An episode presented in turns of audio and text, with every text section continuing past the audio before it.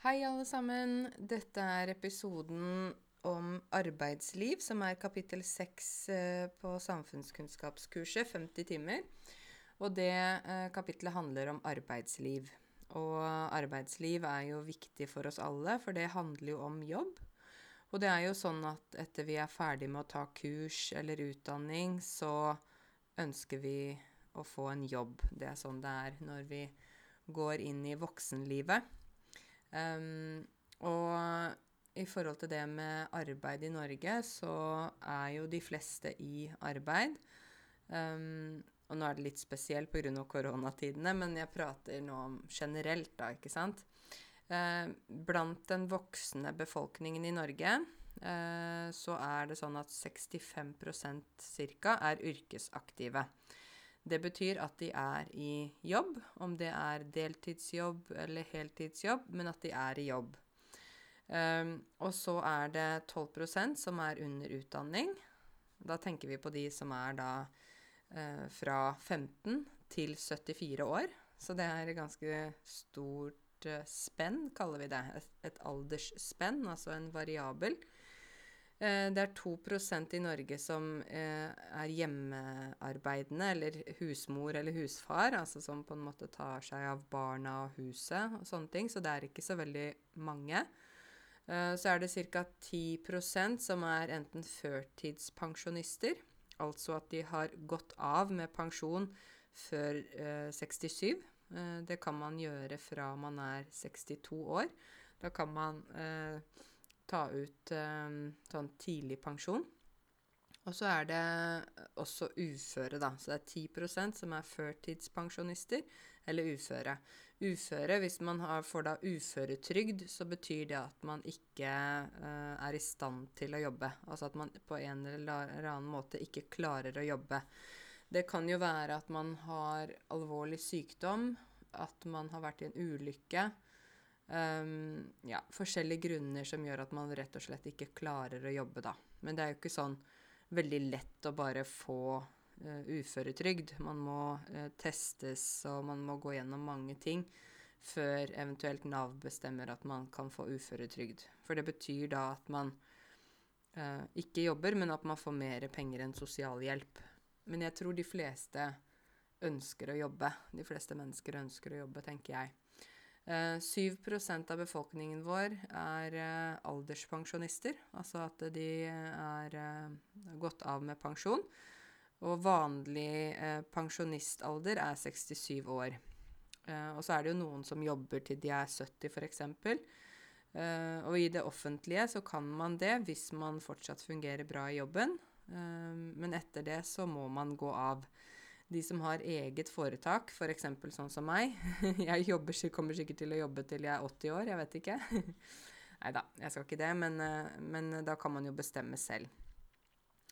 Og så er det 4% som uh, gjør noe annet. Jeg vet ikke helt hva annet de gjør, da. Men uh, de fleste er i hvert fall i jobb, da. 65 Uh, og når flere er i jobb i et samfunn som vi har, altså et velferdssamfunn, så betyr det at uh, da får vi mer penger inn til staten fordi flere betaler skatt, ikke sant? Og da kan det gå tilbake til samfunnet på forskjellige måter. Da blir det mer penger til skole og helsevesen og nye veier og alt som det offentlige betaler for. Det kommer jeg tilbake til i, i kapittel syv. Eh, og så kan vi på en måte gjøre ting bedre, da. ikke sant? Fordi staten bruker jo skattepengene til forskjellige ting. Eh, og fra slutten av 60-tallet så har Norge vært en oljenasjon. Det betyr at vi fant olje i 1969. Eh, og, og, det har også vært bra for å styrke landets eh, økonomi, og det at vi også har en sikkerhet i oljen. Noen har jo sagt at uh, ja, men det er jo så feil at man skal betale så mye for bensin og diesel i Norge. Vi, vi er jo et oljeland. Uh, hvorfor kan man ikke gjøre som f.eks. Saudi-Arabia og Emiratene, der man betaler veldig lite for bensin og diesel? Uh, men jeg er nå, ikke sant, som dette koronagreiene har skjedd, så er jeg kjempeglad for at vi har betalt så mye for olje og diesel og bensin i alle år. Fordi det betyr at vi har en sikkerhet. Vi har et oljefond som er veldig, veldig stort. Og som er en sikkerhet for landet. Og på den måten så kan vi f.eks. nå bruke av oljefondet istedenfor at vi må ta lån fra andre land, eller at vi må stå i stor gjeld til andre samfunn, ikke sant. Så jeg syns det er veldig bra at vi faktisk har egne penger som vi har spart opp selv, da. Um, ja. Så i forhold til det med jobb, så tenker jeg på at det er veldig viktig, tror jeg, for så mange som mulig og være i jobb. Det er viktig å føle at man uh, har noe å gjøre, at man kan bidra i samfunnet. At man kan bruke uh, kunnskap og evner og det man kan, inn på en arbeidsplass.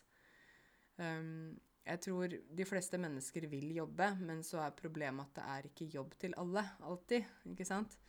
Um, og særlig i Norge så har vi jo mye av det som før var arbeidsplasser for mange. F.eks. industri. Mye av det er jo flyttet til andre land.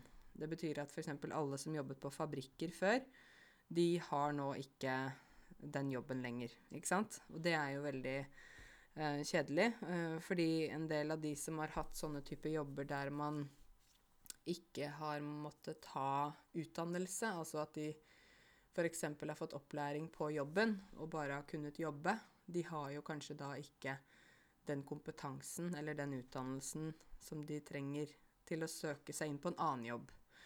Og da kan det være vanlig at de går inn på noe som heter omskolering. Og omskolering betyr at man da på en måte bytter eh, yrke litt. Min mamma gjorde det, f.eks. Hun omskolerte seg fra å være frisør eh, til å bli interiørdesigner. Fordi hun uh, hadde eksem, dere vet, på, på, hendene. Hun hadde sånn veldig sånn sår på hendene. Og så når man da jobber eh, med kjemikalier hver dag, som man gjør når man er uh, frisør, så blir det ikke bedre. Så hennes lege sa at du må slutte å jobbe som frisør, øh, og du bør omskolere seg. Så da måtte hun Da var hun 40, 41-42, tror jeg.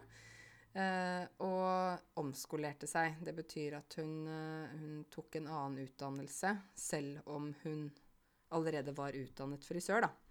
Jeg husker det veldig godt. Hun eh, bodde på hybel i Tønsberg fra mandag til fredag. Og pappa var hjemme med meg og Rebekka, søsteren min.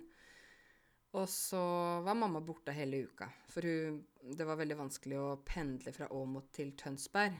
Eh, og derfor så uh, kunne hun ikke det. Så da bodde hun på hybel, en liten leilighet. Og så uh, kom hun hjem da i helgene.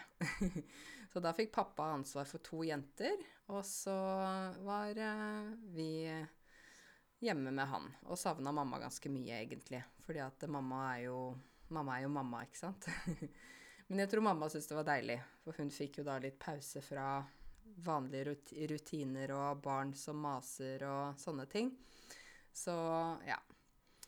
Uh, så det er én mulighet, ikke sant. Men, men, jeg tenker jo det med utdannelse, så kan vi jo alltid utdanne oss på nytt. Det er ganske vanlig i Norge, faktisk, at den utdannelsen man har når man er kanskje 20, 21, 22, at det er ganske mange som uh, omskolerer seg, altså at de tar en helt ny utdannelse, eller at de etterutdanner seg, altså at de går tilbake til universitet eller høyskole for å få mer kompetanse.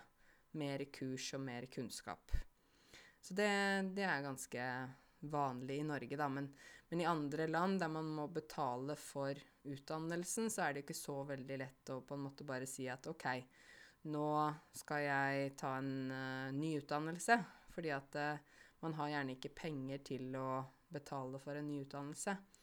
Mens her i Norge, som jeg snakket om i forrige episode, så får vi jo eh, stipend og lån fra Lånekassen. Selv om vi allerede har én utdannelse, så kan vi få nytt stipend og, og nytt lån eh, for å ta en ny utdannelse. Sånn at da er det faktisk muligheter videre i livet også. Så det er veldig bra. Um, så jeg tenker jo at um, når det gjelder jobb, så syns jeg det er viktig at man får arbeidserfaring. Uh, selv har jeg hatt veldig mange forskjellige jobber. Jeg begynte tidlig med sånne ekstrajobber, da. Når jeg var Første jobben jeg hadde, tror jeg var jeg tror jeg var tolv år. Da begynte jeg å jobbe på den frisørsalongen der moren min jobbet. Da jobbet jeg som ryddepike. Det betyr at man eh, koster opp hår og rydder etter kunder, gir de kaffe og sånne ting. Og da husker jeg at jeg jobbet um, annenhver lørdag. Og, og, så fikk jeg jo litt penger, det var jo ikke mye, da. Og så uh, jobbet jeg også som jordbærselger. Jeg solgte jordbær om sommeren. Det var jo sommerjobb. Uh, og så jobbet jeg på et museum der jeg kommer fra, som heter Blåfarveverket. Det kan jo hende noen av dere har vært og besøkt uh, Blåfarveverket, som ligger i Modum kommune. Det er kjempefint å dra dit om sommeren. Der er det utstillinger. Det har vært gruver der hvor de uh, fant kobolt. Hvis dere kjenner til det kobolt, et sånn blått ja, man lager det til pulver, og så senere lager man til veldig blått glass. Har dere sett sånn blått glass både i vaser og boller og krukker og sånn? Det er kobolt. Så Blåfarveverket, det er da et museum. Så hvis det blir sånn hjemmesommer nå i, i sommer pga. koronaviruset, så anbefaler jeg dere som kan å reise til Blåfarveverket. Ta en hel dag der. Det er kjempefint. Ligger ca. en time fra Oslo. Ja, der har jeg jobbet, og da jobbet jeg på Den blå butikken. Og der, der solgte vi rett og slett blå, uh, blå ting. Blått glass. Uh, jeg husker det pleide å komme mange turister der som handlet uh, forskjellige glassprodukter fra butikken. Så da sto jeg der og fikk kontakt med amerikanske turister, husker jeg. og fikk liksom, ja Følelsen av å jobbe sammen med andre, hvordan man samarbeider, hvordan man behandler kunder. Altså, jeg lærte veldig mange ting, egentlig. Det var kjempefint. Og der jobbet jeg jo flere somre på rad. På rad betyr etter hverandre, så jeg jobbet flere somre etter hverandre. Og så uh, Hva mer har jeg gjort? Jeg har egentlig en veldig lang CV. jeg har jobba veldig mye. Jeg har alltid likt å være aktiv, uh, så jeg har alltid liksom vært på søk etter eh, jobb. Og hvis jeg fikk nei på én jobb, så ga jeg meg ikke. Da var det bare å søke videre til neste jobb.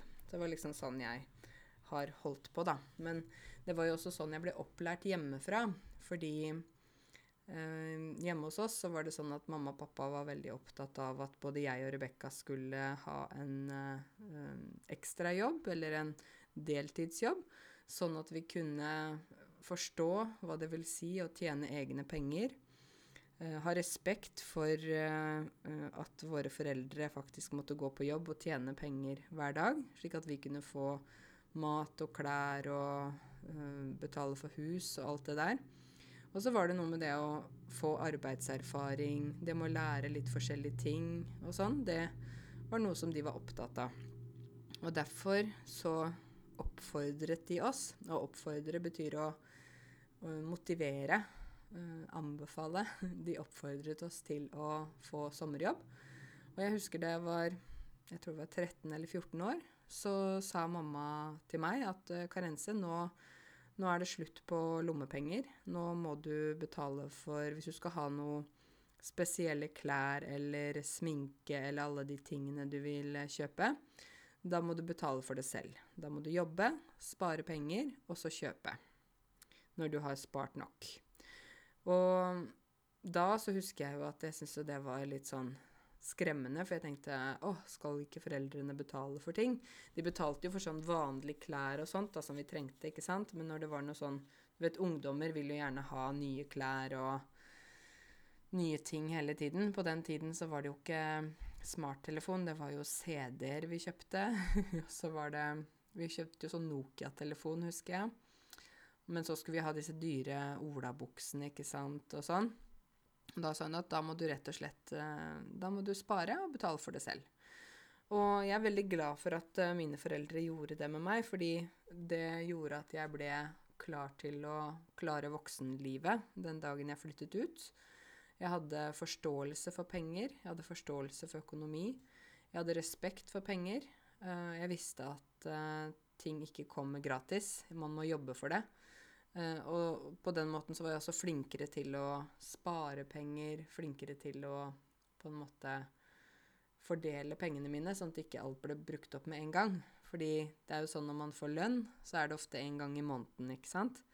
Og da må du jo vente til neste måned hvis du bruker opp alle pengene på en gang. Så da er det bedre å fordele pengene utover måneden, da. Så ja. Videre kan jeg nevne andre jobber jeg har hatt. Jeg har jobbet på Skjell bensinstasjon i Åmot. Da jobbet jeg tre år mens jeg gikk på videregående. Um, jeg har syklet rundt med reklameaviser. Altså ikke vanlig avis, men sånn reklame som man får i posten, vet du. Det var jo en sånn sporty jobb. da måtte jeg Og jeg husker uh, hvis jeg fikk seks forskjellige reklamer, så måtte jeg putte de da oppi sånne bager på siden av sykkelen. Men så klarte jeg ikke ta med meg alle på en gang, så jeg måtte sykle til helt til enden av den ruta. Du vet, akkurat som en buss kjører en rute så syklet jeg da en rute. ikke sant? Jeg hadde en spesiell uh, sted jeg måtte sykle og levere til uh, forskjellige husstander. Husstand betyr et hus, egentlig, eller der bor uh, noen sammen. Så måtte jeg sykle helt til enden av ruta og levere reklame. Og så måtte jeg dra hjem igjen og hente mer reklame og kjøre eller sykle ut igjen. Så det var jo både trening og jobb samtidig. Men det var jo ganske slitsomt og litt sånn Det var dårlig betalt og sånn, men uh, ja. Vi sier at uh, jeg slo to fluer i én smekk.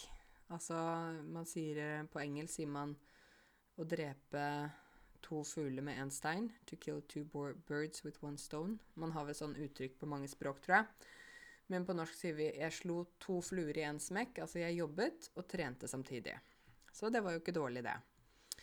Um, ja, så det var reklame. Og så har jeg jobbet som støttekontakt til um, skal vi se, tre forskjellige barn med forskjellige funksjonsnedsettelser og andre diagnoser. Uh, hadde bl.a. en um, Jeg var støttekontakt i flere år for en gutt som var blind og hadde autisme. Så vi pleide å dra på turer sammen og og vi dro til Tusenfryd på tivoli en gang i året, for han elsket karuseller. Og så likte han så godt å sitte i forskjellige stoler, så han elsket å reise til møbelbutikker. Bare å være der en hel ettermiddag og prøve forskjellige stoler. For han var jo blind, så han kunne jo ikke se. Så han likte å sitte og kjenne hvordan stolene var. Ja, Så det var sånn jeg begynte å jobbe med mennesker, kan du si, da. Um, og så flyttet jeg til Canada etter videregående, og da studerte jeg der. Og når jeg kom tilbake uh, For jeg avbrøt jo utdanningen min der fordi det var så dyrt å studere i Canada, og samtidig så tenkte jeg at hvis jeg tar fire-fem år i Canada, så vil jeg ha et ekstremt høyt studielån på kanskje 500 000-600 000 kroner. Og så er jeg ikke utdannet noe spesielt. Jeg har en grad universitetsgrad i noe, men jeg, er, jeg kan ikke gå og si Hei, jeg er sykepleier, jeg søker jobb som sykepleier, ikke sant. Derfor så kom jeg tilbake, og da jobbet jeg to år som vikar eh, på en barneskole. Uh, og det var veldig nyttig. Og jeg hadde liksom Jeg hadde ikke trodd at jeg kom til å bli lærer. For det var to ting jeg hadde bestemt meg for da jeg var ungdom. To ting som jeg ikke skulle bli. Det ene var frisør. For jeg så det hvordan eh, det var sånn veldig slitsomt for moren min. Det er ganske tøft yrke eh, med frisør. Det er tøft å jobbe med, med hendene. Og så har jeg også eksem. Samme som mamma, så jeg visste at det kunne jeg ikke bli. Og så var det lærer. Jeg skulle ikke bli lærer, fordi jeg tenkte at lærere de må repetere ting hele tiden, og det er masse barn som tuller og er frekke, og det er slitsomt og sånne ting. Så jeg tenkte at lærer, det, det vil jeg ikke bli. Og så um, sier vi på norsk 'Jeg møtte meg selv i døra'. Du vet når du sier en ting, og så har du kanskje glemt hva du har sagt. Og så er det noen andre som sier 'Ja, men du sa jo at du ikke likte det, og nå liker du det', eksempel, da. Da møter du deg selv i døra. Så jeg møtte meg selv i døra når jeg faktisk oppdaget at jeg likte veldig godt å undervise. Jeg trivdes veldig bra med å undervise barn og i forskjellige fag. Eh, jeg hadde jo alltid vært flink på skolen selv. Jeg var veldig glad i fag, jeg var glad i å lære. Eh, og så oppdaget jeg at jeg faktisk likte veldig godt å lære bort. Og det var jo litt hyggelig, da, å, å oppdage det. Så da ble det rett og slett eh, lærerskolen på meg. Så sånn var det at jeg ble lærer. Altså veien er ikke alltid sånn som vi tenker at den skal bli, ikke sant? Sånn at vi kan jo Av og til så kan vi eh, tro at vi vet akkurat hva vi har tenkt til å gjøre med livet vårt, men plutselig så tar livet en annen vei. Så ja, det var lærer jeg ble. Uh, og så jobbet jeg da uh, litt som lærer i barneskole og sånn, men så oppdaget jeg veldig fort at jeg likte best å jobbe med voksne. Og det har jeg gjort siden. så det er liksom min spesialitet, da. Men det vet dere jo. Så veien til arbeid er, eh, er ja, forskjellig for forskjellige folk. Det kan jo være at dere har flytta til Norge, og så har dere på en måte Dere begynte med eh, en type jobb i hjemlandet, og så kommer dere til Norge, og så eh, f.eks. finnes ikke den jobben her, eller så har du ikke fått godkjent all utdannelsen din, eh, eller så må du på en måte ja, kanskje ta litt flere kurs, eller du må gå tilbake til universitetet, og da må du ta først B2-eksamen, ikke sant, på norsk, og så tar ting litt tid. Sånn at det, en del eh, som flytter til Norge, begynner jo plutselig med en ny type jobb, eller eh, får seg en annen utdannelse, tar andre kurs og jobber med andre ting.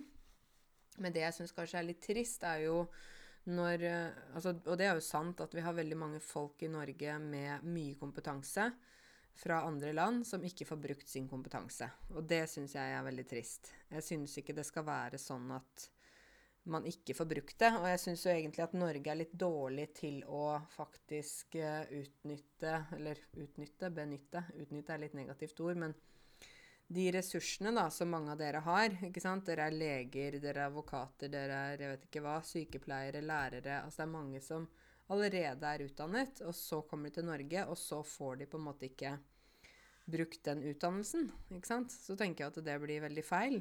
Og det også at man må bruke så mye tid før man faktisk er klar til å gå inn i samme jobb igjen, da.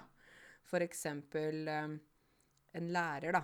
Hvis man er utdannet lærer fra hjemlandet, så er det ikke bare å bli lærer her i Norge, eller jobbe som lærer. Da må du Først må du ta B2 ikke sant, på alle nivåer, eller bergenstesten. Så må du kanskje gå inn på universitetet og studere der en periode fordi du mangler noen fag, eller du mangler kanskje praksis. Kanskje du må gjøre det. Ikke sant? Og så etter hvert så kan du kanskje komme deg inn som lærer, men det er ikke sånn at man direkte liksom alltid kan komme inn til Norge uh, med den kompetansen man har, og få jobb med en gang. Det er jo mer de som da blir hentet fra utlandet til Norge, da, fordi de allerede har en jobb som venter på seg. Det er jo en annen ting. Men hvis man kommer hit for å lete etter jobb, så er det ikke garantert at man får den jobben med en gang. Jeg synes at Sverige er flinkere der. Uh, de gjør det litt lettere for folk uh, å få godkjent sin kompetanse, eller å komme raskere ut i riktig type jobb. For jeg synes ikke det er riktig at uh, når man sitter med mange års erfaring, ikke sant, og så skal man da ikke få brukt den. Uh, og vi trenger jo også deres kompetanse. Så jeg bare skulle ønske at Norge gjorde det litt lettere da, for folk å faktisk uh, komme seg inn i samfunnet på riktig hylle. Du vet en bokhylle med bøker oppover og nedover.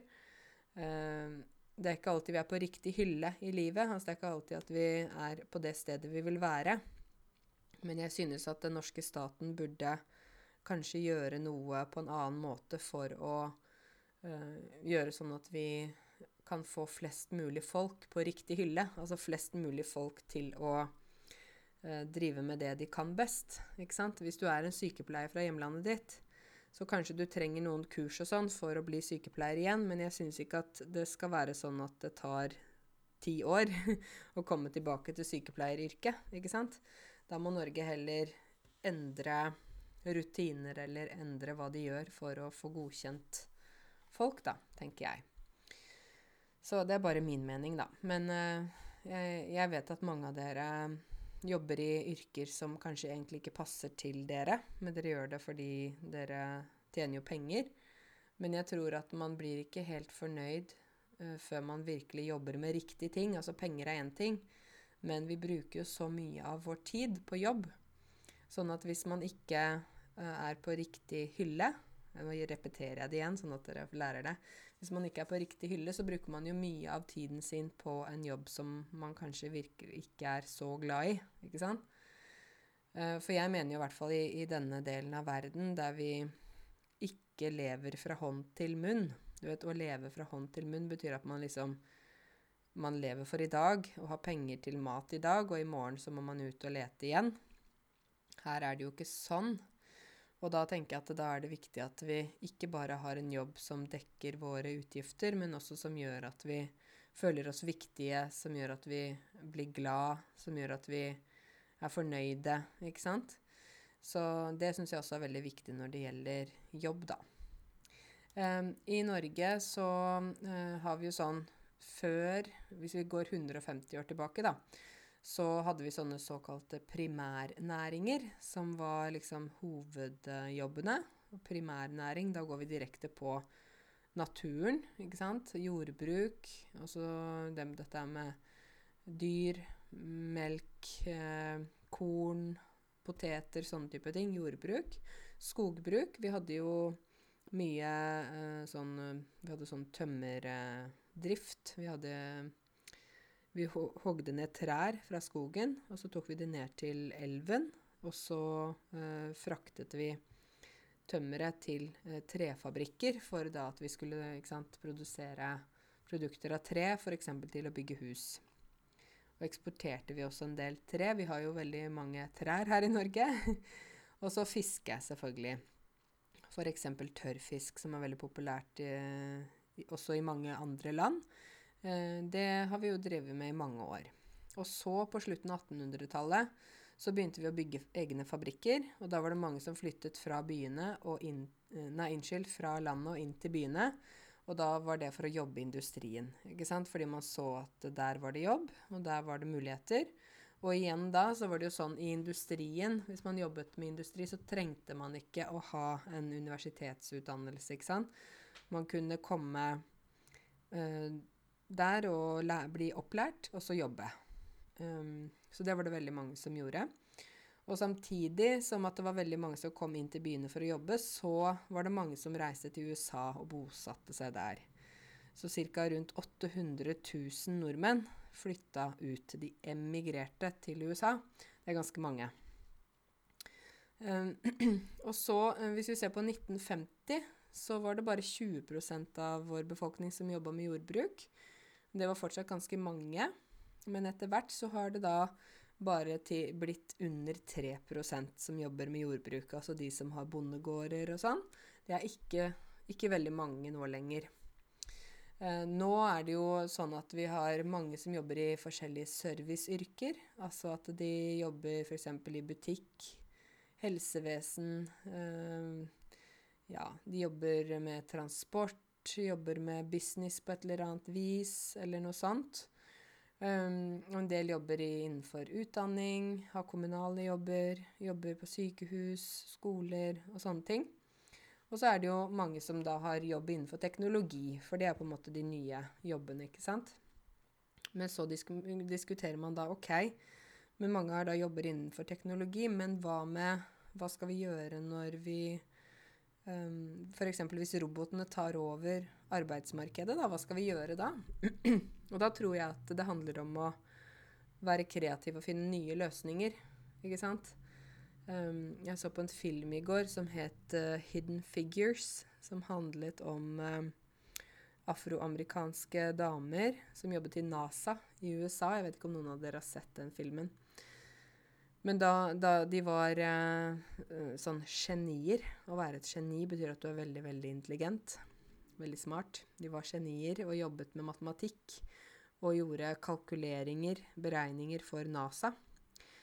Men da, ble, da gjorde de alt eh, med hoderegning, ikke sant? Og kalkulator, kanskje. Og så eh, skulle NASA begynne å ta i bruk IBM, altså den første datamaskinen, som var kjempestor, ikke sant? Og da måtte jo disse damene som jobbet med matematikk og regnet for hånd, de måtte jo da finne nye løsninger for hvordan de kunne beholde jobben sin.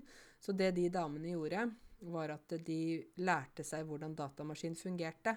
Sånn at når den dataen ikke uh, fungerte som den skulle, så kunne de jobbe med det istedenfor at de jobbet med den matematikken som datamaskinen nå fiksa for dem.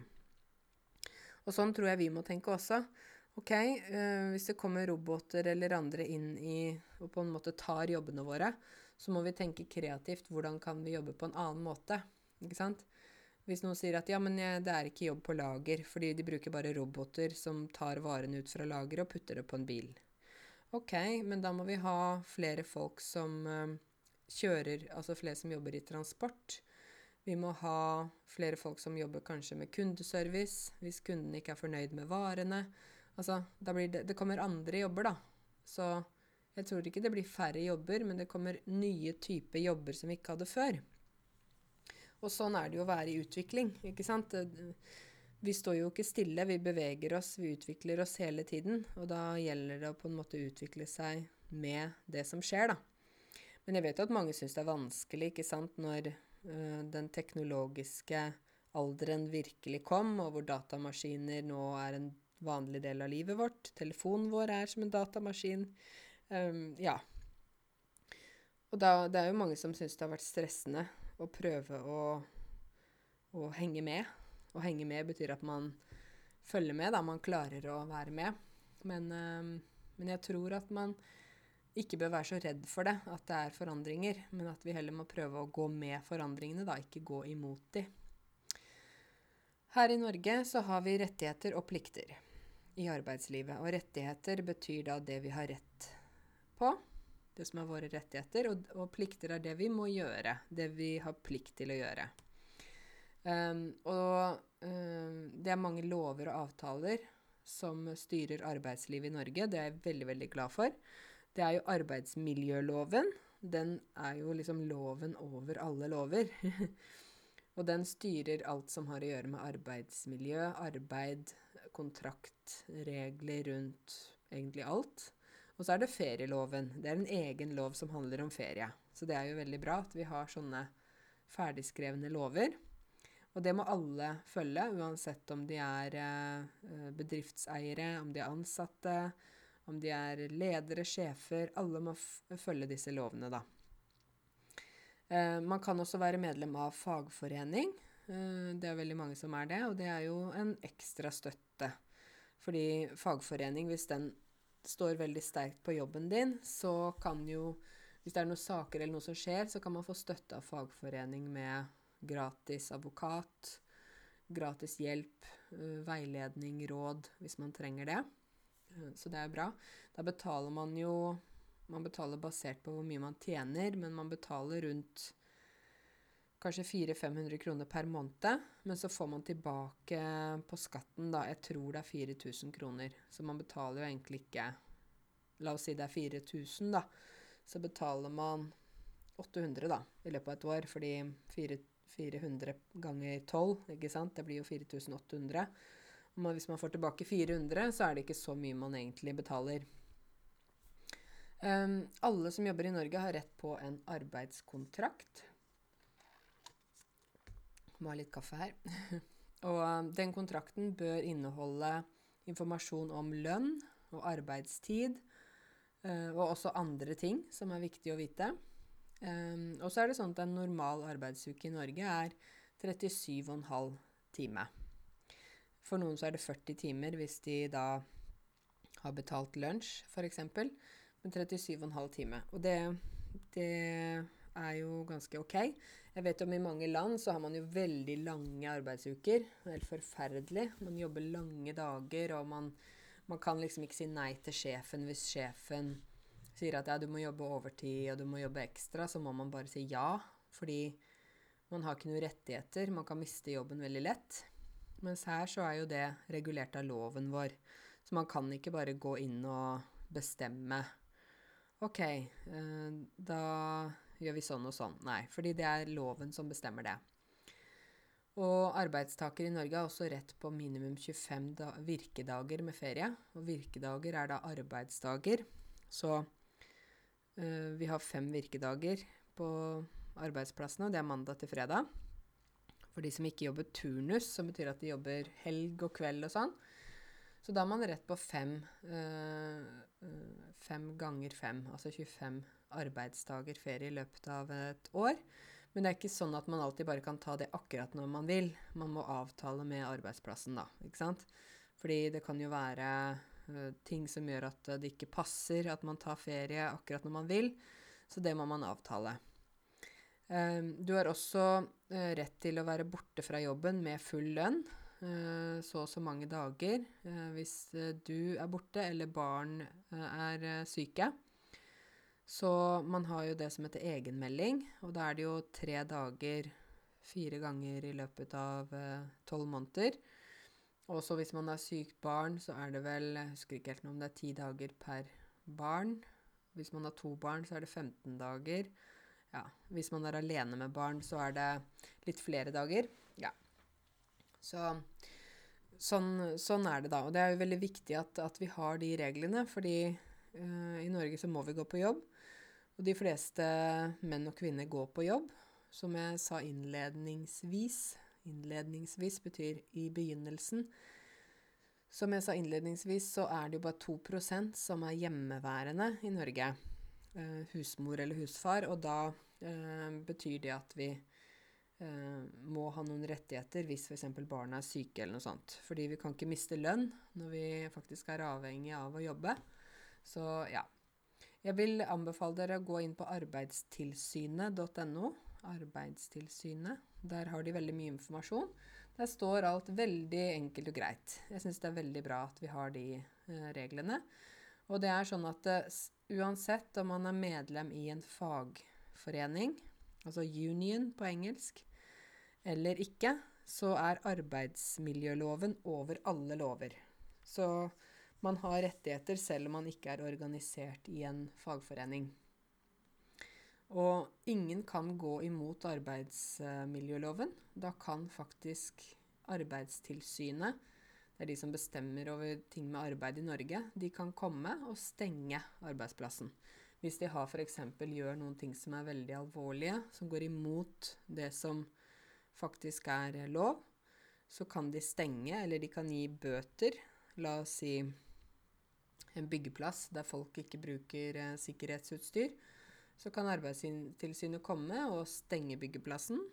Eller de kan gi f.eks. 20 000 kroner hver dag som de ikke har, gjør ting riktig. Så det betyr jo at eh, Arbeidstilsynet har mye makt, og det vet uh, vi som jobber, og vi som, uh, også de som er sjefer, de vet det. Og det er ikke noe vits å tulle med loven. Det er ikke noe vits å leke og prøve å OK, jeg skal gå imot loven. Nei. Den gjelder på toppen av alt. Så jeg syns det er egentlig veldig ryddig og greit. Um, vi er jo opptatt av at uh, de fleste skal jobbe. Um, vi er også opptatt av at man skal ha en balanse mellom jobb og fritid. Og jeg har jo opplevd flere elever som liksom har sagt ja, men Uh, meg, men jeg jobber så hardt, og jeg jobber masse ekstra, og så sier sjefen bare til meg Hei, ta ferie, gå hjem, gå hjem og slappe av. Og så sitter jeg der og jobber og jobber og kommer med nye ideer og vil at sjefen skal se meg, men sjefen sier bare til meg at jeg skal gå hjem og legge meg. Nei, det er ikke helt sånn, men, men, men, poenget der er at i mange land så må man jo hele tiden vise resultater. Ikke sant? Man må produsere. Man må være kreativ, innovativ uh, Ja. Men her i Norge så tenker vi at en arbeidstaker, altså den som er ansatt, som er veldig sliten, som jobber 12-14 timer hver dag, er ikke en person som kan gjøre det best mulig på jobb. Det er en person som er sliten, overarbeidet, uh, frustrert, ikke sant? Så vi tenker at uh, vi må ha en balans, balanse mellom jobb og uh, fritid. Fordi livet skal også være mer enn jobb, ikke sant? Mens i andre land, som sagt, så kan man ikke si å, nå orker jeg ikke mer, jeg må ta litt ferie eller noe sånt. Hvis sjefen sier nå må du jobbe, så må du bare jobbe. Det er ikke noe valg. Eller så kan du miste jobben. Så kan de si nei, men det står 100 andre som venter på din jobb. Hvis ikke du vil, vær så god, da kan du bare gå, da finner vi en ny. Men her er det ikke sånn i Norge. da. Man kan ikke bare miste jobben hvis man f.eks. har fast jobb. Bare på den måten der. Uh, og derfor vil de at folk skal ta ferie, slappe av, roe seg ned. Sånn at de kommer tilbake med um, mer energi, har fått slappe av litt, fått vært med familie og venner, uh, fått kost seg litt. Så tenker vi da at den personen kan gjøre en bedre innsats på jobben enn hvis den personen bare ja, f.eks. Uh, ikke kan uh, få seg fri noen gang. Ikke sant? Så det er sånn vi på en måte tenker, da. Det er kanskje litt motsatt tankegang av, uh, av sånn som dere har det i mange land, men uh, sånn er det her. jobben er en del av livet, men det er ikke selve livet. Livet er mer enn jobben. Um, ja. Uh, når det gjelder velferdssamfunnet, som kommer i siste kapittel syv, så er det jo sånn at uh, velferdssamfunnet også skaper en del arbeidsplasser. Det er en del folk som jobber uh, i stat og kommune, som får lønn fra staten. og det er jo fra skattepengene, ikke sant? Og det er f.eks. lærere, kontorpersonell, rengjøringspersonell, andre ansatte i skolen, leger, sykepleiere, helsefagarbeidere, Eh, og andre som jobber på sykehus og sykehjem. Saksbehandlere, kontorpersonell og andre ansatte i Nav osv. Militære, militæret, domstolene, eh, politiet. Ikke sant? Mange som jobber i staten, på en måte, da. Eh, og sånn er det jo når vi også betaler skatt, så går de pengene inn til landet, som vi da bruker på forskjellige ting. Alt fra å bygge skoler til å gi en lærer en lønn, ikke sant. Vi har jo ikke så veldig mye sånn privatskoler og privatsykehus og sånt her i Norge. Og det er litt fordi at vi satser på at vi skal ha kvalitet i det offentlige tilbudet. Og da det ikke, skal det ikke være nødvendig å ha f.eks. Eh, privatskoler eller privatsykehus.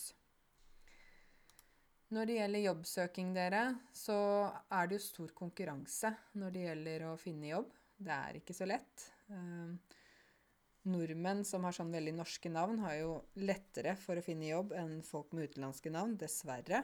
Det, vi kan ikke si at uh, nei, i Norge så ser vi bare på kompetansen, vi ser ikke på navn, for det stemmer ikke. Folk ser på navn og tenker å, hm, ok, det er ikke norsk person ja, så blir de kritiske. Mange er fortsatt ganske kritiske. Det syns jeg er trist, men det er faktisk sånn det er. Um, jeg har jo hørt om folk som har bytta navn til norske navn en periode for å komme inn på intervju, og det syns jeg er veldig trist når jeg hører det. Um, men det er jo en god del jobber som man får via via. Via betyr jo vei på italiensk. Uh, man får det gjennom venner og bekjente. Selv om egentlig skal det være sånn, i hvert fall i det offentlige, at man må søke på jobber. Man har rett til å se hvem som har søkt. Uh, ja, det skal være liksom Skal ikke være korrupt, men det er det. man kan ikke nekte for at uh, det ikke er korrupt. Korrupsjon betyr jo ikke bare at man uh, putter penger under bordet, men det kan jo også være at noen får en jobb som de egentlig ikke skulle hatt. Ikke sant? Så vi har korrupsjon i Norge også, men ikke på samme måte som i mange land, da. Men jeg syns det er synd at det fortsatt er sånn at uh, mange er kritiske fordi de ser et utenlandsk navn. Fordi jeg tenker at en bedrift som har forskjellige ansatte fra forskjellige land, klarer å løse ting bedre. Har uh, flere strategier, er mer kreative, løsningsorienterte. Klarer å Eh, skape innovasjon på en annen måte enn de som f.eks. bare har folk fra samme land. Ikke sant? Hvis du har en bedrift, og så har du bare folk fra samme land, eh, og så er det en annen bedrift som driver med det samme, men de har folk fra forskjellige land, så vil jeg si at de som har folk fra forskjellige land, vil komme lengre. Fordi at de har flere folk, flere ideer osv. Jeg kan jo ikke skryte og si at jeg har det sånn i min bedrift. Der har jeg faktisk bare folk som har norsk som morsmål. Men grunnen til det er jo at uh, vi driver med språkopplæring. Og da uh, er jo det jeg fortalte om tidligere, at jeg mener at man, det er best å lære fra en som uh, har det språk som morsmål. Fordi man også da kjenner til kulturen, og det er mange andre ting. Så hos meg så har jeg ikke Jo, jeg har en amerikansk lærer, og hun er da underviser i engelsk. Jeg har ingen nordmenn som underviser engelsk. Jeg skal ha da noen som har morsmål engelsk, som underviser engelsk, osv. Men ellers så altså Skulle jeg hatt da spansk, så ville jeg hatt noen som hadde spansk som morsmål. Så hvis jeg får flere språk da inn på skolen min, da blir det ganske eh, stort mangfold. Mangfold betyr at det er variasjon. Lønn, dere. Det er jo sånn at eh, gjennomsnittlig årslønn på heltidsansatte i Norge med utdannelse ligger på ca. 500 000 kroner. Um, kvinner tjener rundt 85% av det menn tjener, så det betyr at vi er fortsatt ikke der at vi har lik lønn for likt arbeid. Og det vanlige er at man får lønn én gang i måneden. Da har man en bruttolønn, det er lønnen før skatt, og så får man det man får på konto, er nettolønn. Det er etter skatt, da. Og arbeidsgiver, altså der du jobber, de tar skatten fra deg. Det er ikke sånn at du må spare den selv, det bare går automatisk. Og det går ut ifra hvilket skattekort du har, hvilken prosent du skal trekke, eller hvilken tabell du bruker. Uh, og det blir på en måte beregnet ut ifra hvor mye du har jobbet, hva du tjener i lønn osv. Um, noen syns jo at vi betaler veldig mye skatt her. Jeg kan si meg enig. jeg er jo bedriftseier selv, og jeg betaler mye skatt. Samtidig um, så vet jeg at de pengene kommer jo tilbake til meg en dag jeg Hvis jeg blir syk, hvis jeg får barn. ikke sant? Jeg har jo selv gått på skole her i Norge, gått på høyskole og sånne ting. Så det er sånn at med, med skattesystemet vårt så er det ikke sånn at du hele tiden kjenner at skattepengene kommer deg til gode, eller altså at de, at de er nyttige for deg. Men det er forskjellige perioder i livet der det er uh, skattepenger som kommer til deg. Så hvis du bor i Norge en veldig kort periode, og så flytter, så vil du ikke kjenne liksom, effekten av velferdsstaten, da. Men hvis du bor her over lang periode, hvis du har barn her som går på skole, tar utdannelse, ikke sant, eller hvis du blir syk, hvis en har en operasjon, sånne ting, da eh, merker du at velferdssystemet er der fordi du ikke trenger å betale. Og det er jo veldig bra, ikke sant? Mens i andre land så må man på en måte hele tiden eh, ansvarlig for alt selv, hele tiden. Og det er liksom ikke noe som kommer gratis til deg. Du må hele tiden sikre at du har nok penger, da. Men jeg er f.eks. ikke bekymret her for hvis jeg ble alvorlig syk, så vet jeg jo at uh, landet mitt hjelper meg. Og det er jo fordi jeg har betalt skatt, og de pengene går da tilbake til meg. Og hvis jeg får barn, så får mine barn gratis helsetjenester. Hvis jeg er gravid og skal føde, så får jeg gratis oppfølging og alt det der. Så uh, skattepengene kommer liksom ikke i hånda di i morgen, men du får det i forskjellige perioder i livet, da. Jeg tror det er sånn vi må tenke. Vi må tenke litt større på det enn å bare tenke at å, det skal liksom hjelpe meg hele tiden. For det gjør det ikke. Men vi betaler for det hele tiden. Så ja. Men jeg tror vi egentlig skal være glad for å betale skatt. Høres det rart ut å være glad for å betale skatt? Fordi det betyr at vi har et system der vi har sikkerhet, der vi får gratis helsetjenester og utdannelse, f.eks. Vi trenger ikke tenke på det. Ikke for oss selv, og ikke for våre barn. Og det tenker jeg er en stor gave. Så selv om det blir mindre penger på konto akkurat eh, fra måned til måned, så får du likevel igjen på andre ting, da. Tenk om du, hvis du har tre-fire barn, tenk om du måtte betale privatskole for alle fire barna. Ikke sant? Tenk om du hadde, om du var alvorlig syk, og måtte ha en operasjon som du selv måtte betale for, eller som du måtte betale helseforsikring, ikke sant. Det blir mye penger etter hvert. Så jeg er glad for at vi har et velferdssamfunn. Um, vi har jo en god del folk i Norge som jobber svart. Svart arbeid. Har dere hørt om det? Det er jo når man ikke betaler skatt, og man um, Det er rett og slett kriminelt.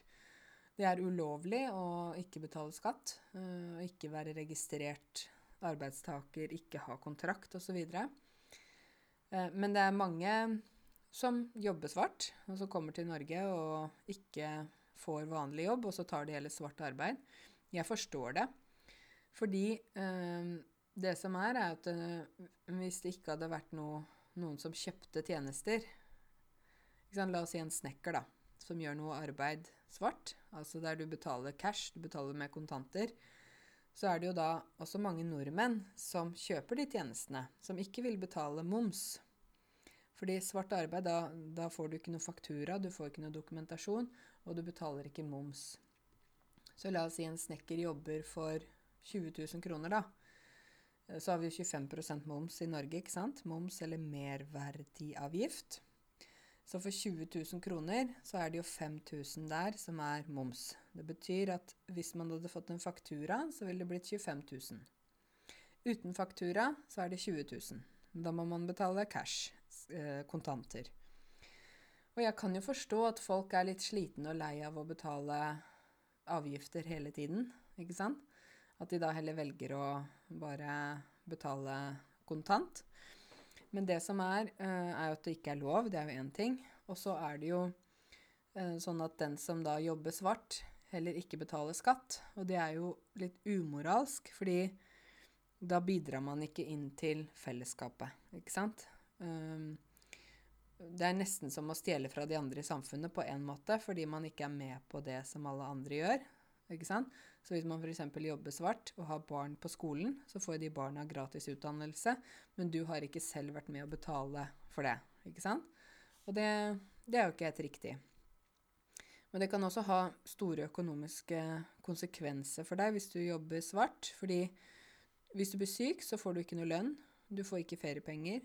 Du får ikke noe pensjonspoeng, så du sparer jo ikke eh, pensjon. Du har ikke noe rett til dagpenger hvis du mister jobben.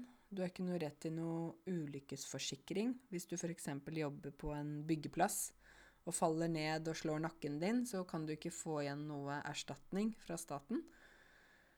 Du har ikke mulighet til å låne penger i banken fordi du har ikke noe registrert arbeidsforhold. Du har ikke noe arbeidsavtale, du får ikke sluttattest. Du får ikke noe dokumentert arbeidserfaring, og det er veldig vanskelig å få ny jobb hvis du ikke kan vise til at du har referanser og sånne ting. Så det å jobbe svart er ikke veldig bra, eh, men jeg kan forstå at noen gjør det som f.eks. ikke bor her, da. De jobber her i to uker, og så reiser tilbake til landet sitt, og så frem og tilbake, men likevel er det ikke lov. Så det er på en måte det, da. Når det gjelder øh, arbeidslivet i Norge, så vil jeg si vi har det veldig bra. Vi har rettigheter. Vi har uh, et system som fungerer. Vi betaler skatt. Vi får lønnen vår.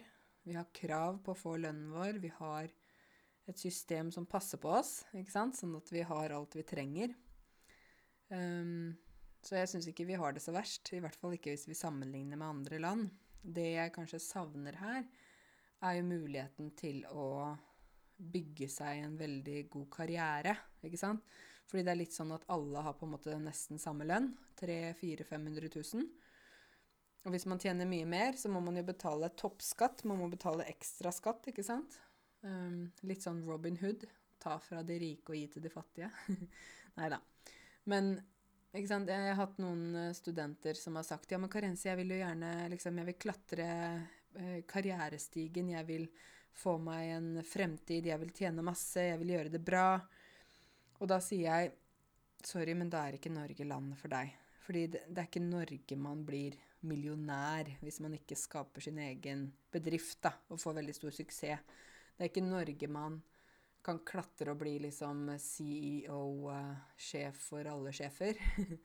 Men det er i Norge man kan balansere et arbeidsliv, fritid, familieliv, Uh, man kan uh, få nok tid til også å være med venner og familie og drive med hobbyer, aktiviteter og sånn. Så jeg vil si at i Norge kan man ha et balansert liv, men man, man blir mest sannsynlig ikke rik. Så sant man ikke har en veldig sånn spesiell uh, bedrift som man tjener masse penger på.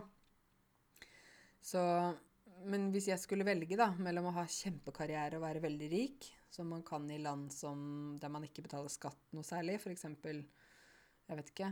Um, Dubai, eller betaler man skatt der? Kanskje man betaler litt? Ja. Hvis jeg kunne velge mellom det eller å ha et liv der jeg kunne, sånn som i Norge, tjene helt ok Jeg har liksom nok penger til mat og hus og litt ferie og sånn. Og jeg har tid til venner og familie. Og jeg har tid til å sove.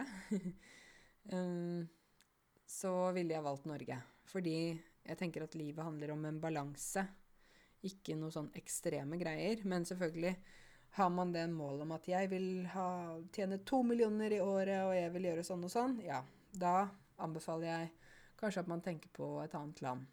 For der er det større muligheter for sånne karrierehopp. Så man hopper opp i trappa, ikke sant? Fordi her i Norge så er det ikke vanlig å få f.eks.: 'Å, her er 100 000 kroner bonus, vær så god'. det er liksom De fleste har ganske lik lønn.